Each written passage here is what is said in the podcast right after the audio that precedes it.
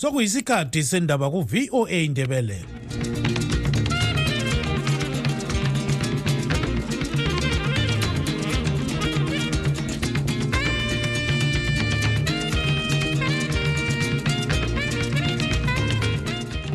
siyahlangana kwezekuseni mthwakazi omuhle ngolwesithathu mhla ka-10 kuzibandlela 2024 igama lami nguntungamili nkomo endabeni zethu lamhlanje. Lokhu okuyenziwe nguTB Joshua namanye amaqili onkolo kwakwaziwa nje idocumentary leye BBC ihlela kuphela ubufakazi. Idocumentary ethulwe ngumsakazo we-BBC eveza ukuba umfundisi wakwele Nigeria uTB Joshua wayedlwengula abesifazana njalo ephatha luklubhu izisebenzi zakhe. Isidale inkulumo. Umoblessing lo ongene kuphelandaba chabalala wayengekho kubereka mwana esasekuyo wayengekho ku-candidate selection esasilayo. Konke okwakusenzakala kazange afake amaphepha ngoba yena wayeku-mdct ibandla le-triple c lethesa ixuku laleli bandla elisekela umnumzana sengezo chabango umlando wokufaka ilunga lebandla le-mdct unkosazana mo blessing chuma. Ukuthi ancintise kukhetho lephalamende okuzancintisa khona umsekeli wesikhulumeli se-triple c umnumzana gift ostalos siziba. Nanzela ukuthi ukuthi lanxa kunjalo kuba lohlupho lokuthi kwezinye indawo kucina leyo five days ingahlonitshwanga amanzi avule kwezinye indawo engafiki. Bathi bona nxa kuyikuthi indawo eziphezulu kusuka kube lohlupho ukuthi amanzi angafiki. Kulabantu abanengi abathi kabatholi izikwelete zokusungula kumbe ukuthukuthukisa amabhizimusi abo. Ngesizathu sokuthi bangamalunga ebandla eliphikisayo. Zonke lezi ndaba lezinye ziyalandela.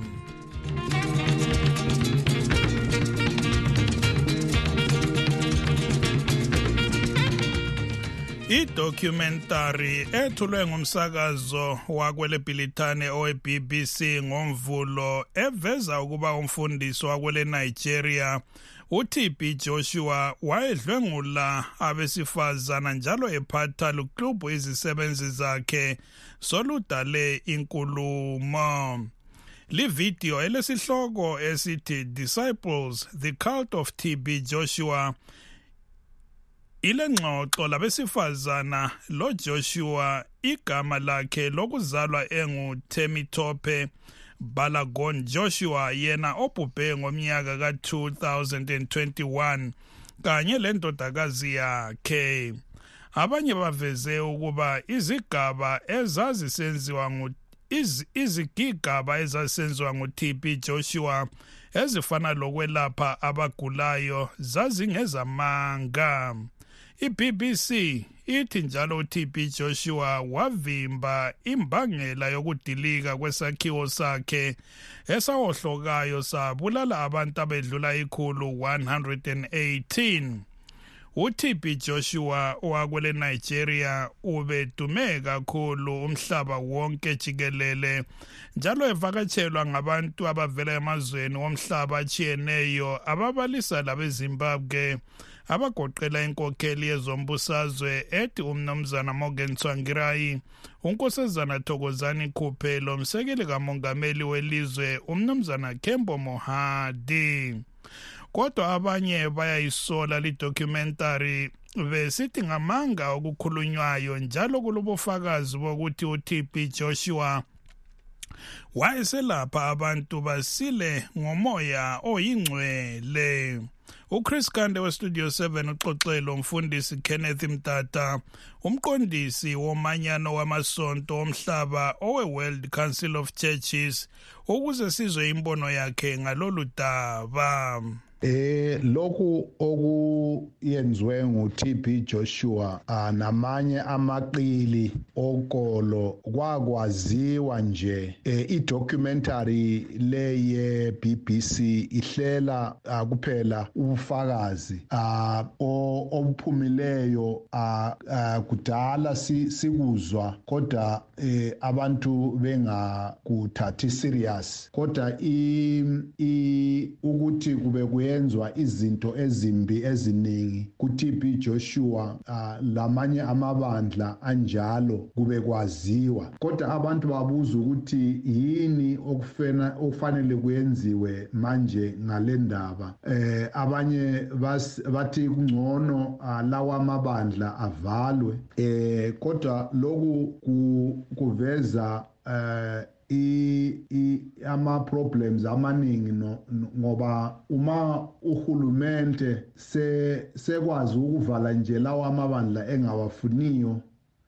kuzoyenza ukuthi eh lamanye amabandla avalwe ngoba ayakhuluma lokho ohulumente abaningi eh bengakufuniyo. So eh ngiyabona ngathi ayisiyondlela yoku-addressa le ndaba. Eh kumele ku-addresswe ama-root causes ayenza ukuthi abantu abaningi babe vulnerable. Eh simele siqede indlala uh, lokuhlupheka kwabantu. Eh ngoba uma abantu belendlala eh kuyenza ukuthi babe vulnerable kulowo muntu ozoza esithi engabasiza. Eh okunye ukuthi amabandla ngokwawo amele abe lendlela ye self regulation ukuze bekwazi ukuthi ngobani abakhuluma uh besithi bengamabandla. Ngoba uma ingekho indlela ye self regulation eh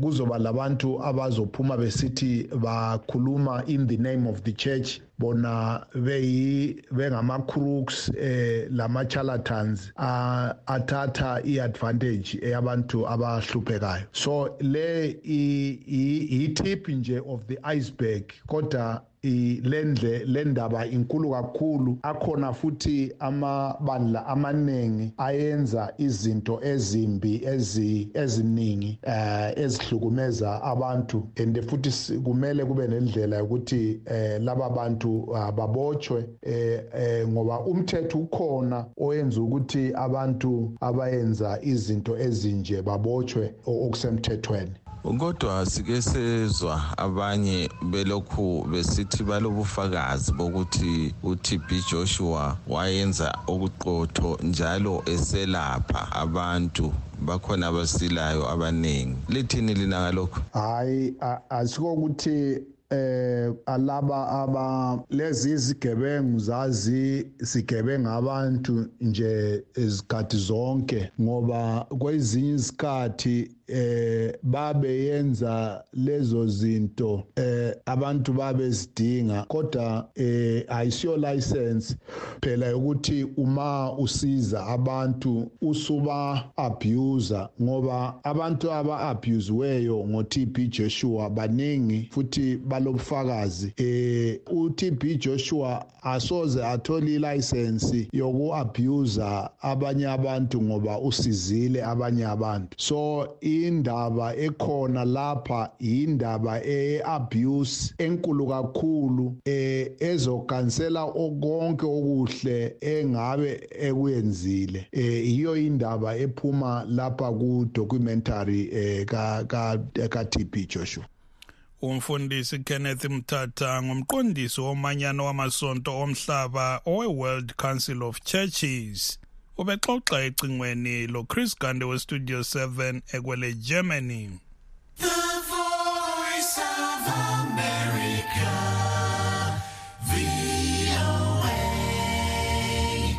Ibandla le-Triple C selethe seyixuku laleli bandla elisekelwa ngumnumzana Sengezo Chabango umlando wokufaka ilunga le-MDCT unkosazana Mo Blessing Chuma ukuthi ancintise kukhetho lwephalamende lapho okuzancintisa khona umsekeli wesikhulumeli se-Triple C umnumzana Gift Wostalos Siziba. Leli bandla lithi uchuma kazange angene kuhlelo lokukhetha abazancintisa kukhetho lwanyakenye kodwa liboneso kunguye okuthiwa amele isigaba sephelandaba chabalala okwakunqobe khona usiziba laye owabhalisa owabhalisela ukuncintisa emthethwanindaba okhetho owe-nomination court ephansi kwebandla le-triple c. uChris Gande uxoxele siphathamandla saleli bandla kobulawayo umnomzana kwanele bhango ukuze sizwe okunengi ngalolu daba. Ngiyabonga mnumzana umbuzo wakho kuliqiniso sibili okubuzayo. Umo blessing lo ongene kuphelandaba chabalala wayengekho kubereka mwana esasekuyo wayengekho ku-candidate selection esasilayo. Konke okwakusenzakala kazange afake amaphepha ngoba yena wayeku-mdct eyayikhokhelwa ngumonzora udouglas. So eseswele ama-candidate uchabangu ubone kufanele ukuthi athathe umuntu owayengekho. So ukuthi kuthiwe ufaka abantu aba-aggrieved ngikubona kungasento e-right kungasoqiniso sibili ngoba u-aggrieved ngayiphi indlela umo blessing yena oyevele engekho ngaleso sikhathi abanye ababekhethwa bengena. Ngiyabonga. Manje njengoba sisizwa besithi bazahamba emthethwandaba ukuthi bamise umnumzana siziba ukuthi ancintise kusigaba sephelandaba chabalala lina liluthatha njani lolu daba? Thina ithemba lokuthi sizanqoba silalo angaba khona siyakwazi ukuthi akhona ama-plans okuthi bamise u-honorable ostalos ukuthi aconteste kodwa ithemba ekugcineni sizanqoba kuphela. Yikho engingakutsho okwamanje. Wonke amaplan amabi angafuna ukuthi awenziwe hatshi thina silethemba sihlala sinjalo sizanqoba. Umnumzana kwanele bango ngowebandla le-triple c kobulawayo. Sixoxe njalo lomunye wabasebenza lo mnumzana chabangu umnumzana albert mhlanga ukuze sizwe ukuthi bona bathini ngalolu daba Eh hayi ngiyabonga babagande lezakhamizi leZimbabwe nje yonke jikelele. Ye bayatsho ukuthi ubebengamazi ngoba abangani bayakhumbula kumbe ebevele sikhamba labo mntwana former ECC. ECC is a citizen uh, party. Yi-citizen party in that it's a ithatha ama-stakeholders phose wonke eh, ama-industrialists abezenkonzo izinyanga kanye labama-civic organizations. So ekuyenzeni kwethu siqalisa sasivumelene ukuthi kulezinye indawo esizazigcina sizigcinela ama-political party vele edesilabo kulezinye lapho esizazigcinela abe-civic society. Like uyabona um kulobaba udumisane nkomo ubesuka ku-civic society ubengekho any other party ubesuka ku-civic society yikho-ke wangena ekhansilini yikho-ke labanye nxa umo-blessing bangamazi laye umela amanye ama-organization lawa esisebenza lawo. So hhayi uyanqoba ngoba sonke siyamkhampenela bonke labama-organization lapho asuka khona bazamkhampenela ikathi nje vele ubephathekile kwezepolitiki isikhathi eside abantu bayamazi lathi siyamazi. Yikho-ke hhayi ukuwina siyayithatha leyani indawo ngoba njengoba ngitshile nje kumalanga adlulileyo ukuthi unguye i-official candidate ye-cc umnumzana albert mhlanga ngomunye wabasebenza lo mnumzana sengezo chabangu ozithi nguye unobhala jikelele we-triple c. ubexoxa lochris gande westudio 7 ekobulawayo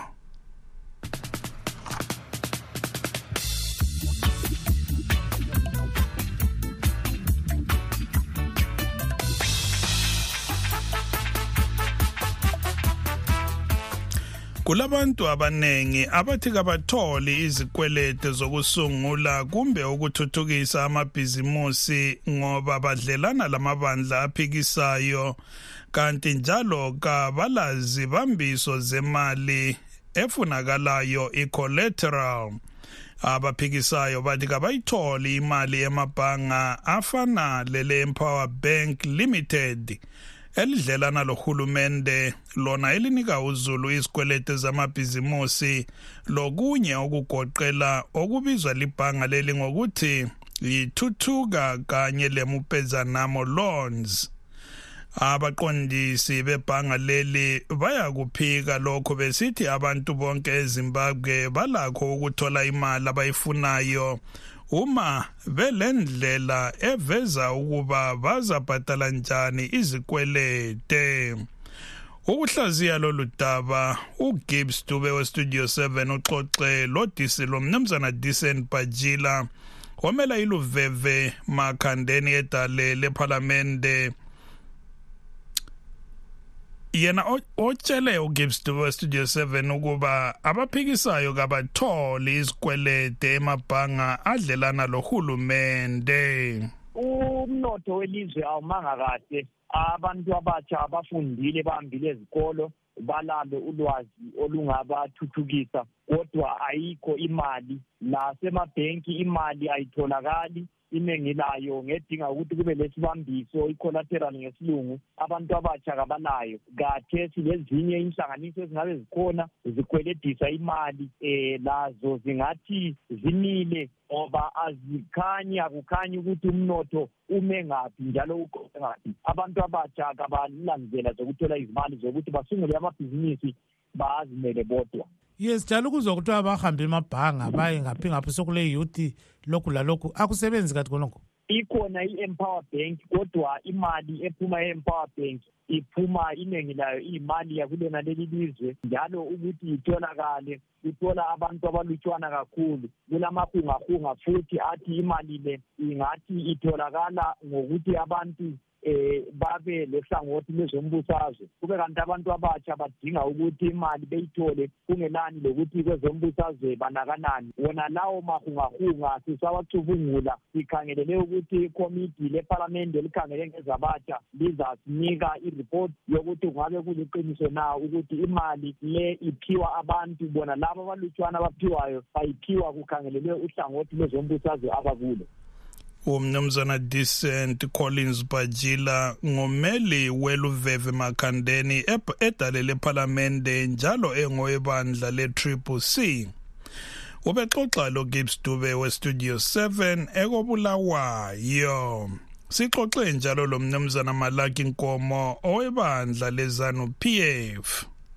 Abantu fanele bakwazi ukuthi izimali lezi uma beziphiwa awuphonguholiswa njengomuntu uthi uyaholiswa imali. Kuba nemithetho eminye ekhona engathi sizoba nisiyodinga imali kuyukuthi kulemselo eziphiwa nguhulumende kufunakala imali. Kukhona enokufana ukuthi umuntu akugcwalise ukwenzela ukuthi kubonakala ukuthi ngempelampela ngumuntu ofuna imali yokuthi usebenze abaningi bazafuna ukuthi khona funa imali kahulumende ngifuna ukuthi ngenze imithelo akayenzi le proposal akuyena even wethu yokuthi lo muntu kuwenza lokho nalo lapha ngizama ukuthi bakuzwisayisa abantu. Uma sewenza iprojekthi yakho ikhanya abamabhenki nalaba abakusebenzemali yibo abakufundisayo izamthetho iyabe ingasekho khonapho. Abantu abaningi bathi sowunemthetho oyiholawulayo ukuthi wena na ufuna imali yokuthi wenze lokhu kufanele ukuthi igcwalise yinto okufunakalayo so abantu balokwenza ngama-shortcuts. Akuvele kube nama-shortcuts ezintweni ezintweni ezama-policies kuyafanele ukuthi umuntu wonke angene ngendlela yona leyo. Njalo nje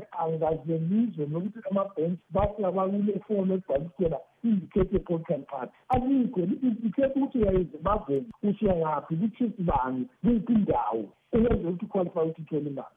Ukuze ube lohlelo lwakho luhle ukuthi uhulumende akunika imali kumele wenzeni ukuloba lokho kuthiwa yi-project proposal? Uqala ngaphi kusiya ngaphi? Ya ngibona ngani khona phana kuma njengoba ngitshile ukuthi kulesebenzi kahulumende indaba indawo yonke okuyikubana ngabe kune-project ethize oyifunayo ngaba yi-farming ukuthi ufuna yenze i-farming kumbe ufuna yenze i-mining kulama-ministries avele ekhona okuthi ungahamba khona ngale kunezininsi ezikhona ezigcelisa abantu ukuthi ngafuna ukuthi ubhale iproposal ikhona nele mining uyenza lokhu nalokhu nalokhu. Ngingafuna ukuthi ubhale iproposal ikhona nge-farming uyenza lokhu nalokhu. So ngaleyo ndlela mboni kami abantu kabasebenze ingathi imisebenzi yakulumente ezikhona endaweni yawo yabo umnumzana malaki nkomo lilunga lebandla lezanu pf ubekhuluma ecingweni logibbs dube westudio 7 eseyinsiza emathebeleleni south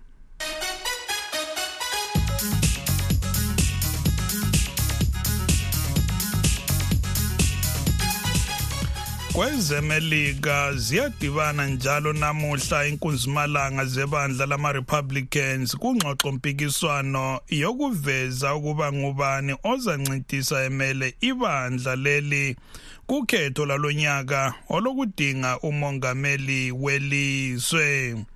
Owayengumongameli umnumzana donald trump ulokhu esithi kangene kungxoxo mpikiswano lezi ngoba evele ekhokhela kucwaningo oluveza ukuba uchiya bonke abafuna ukuncintisa ngesibanga esikude. Kambe uTrump uzanqoba na? Ukuhlaziya lolu daba uChris Gande weStudio 7 uxoxe locubungula ezombusazwe unkosikazi Priscilla Ndlovu ukuze sizwe imbono yakhe. Ah mina ngibona ngani okwenzakalayo kathesi laba abazama ukuvalela uTrump uthi engabi khona kukhetho? It's just another drama.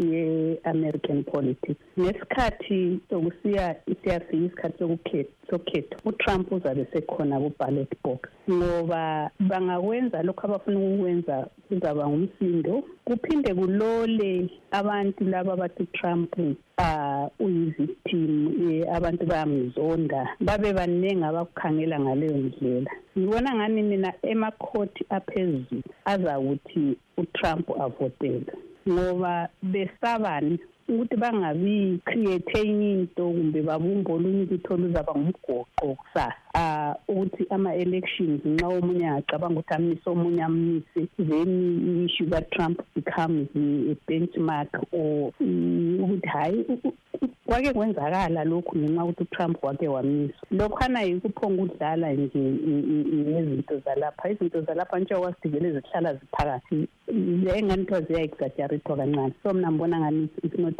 yini nxa ngikukhangele and hearing ama-opinions abantu abaningi. Amboni ukuthi yindaba engayenza ukuthi utrump engavotelwa uzavotelwa kuphela. Kodwa khona kubandla lama-republicans ubona ubani ongani engasondelelana laye utrump? Njengoba sike sabona umnumzana desantis laye ubengani useduze kodwa kathesi sesibona sokulo unkosikazi nikki haley.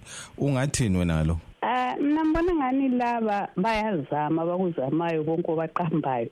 Kodwa as long as umnumzana Trump ekhona kwabantu abavotelwayo kumbe kungaze kufike ama-primary abo ama-republican utrump uza uzaphumelela kuphela uzanqoba ngoba ungakhangela ukuthi utrump kubo-fifty percent abantu abathi bazamvotela nxa ukhangela kulalaba abahamba belinganisa izilinganiso zokukhetho bezama ukuthi bageje ukuthi ngubani ozavotela oniki heli baphansi kakhulu.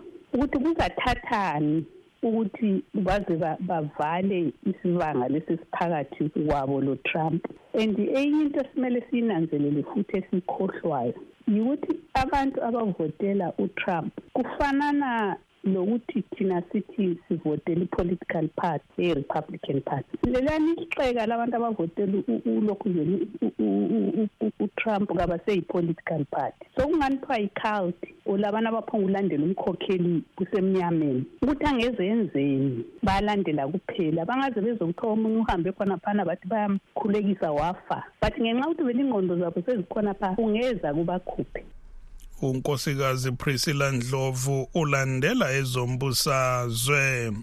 Ubekhuluma ecingweni lo Chris Gande we Studio 7 ese Washington State khonapha eMelika.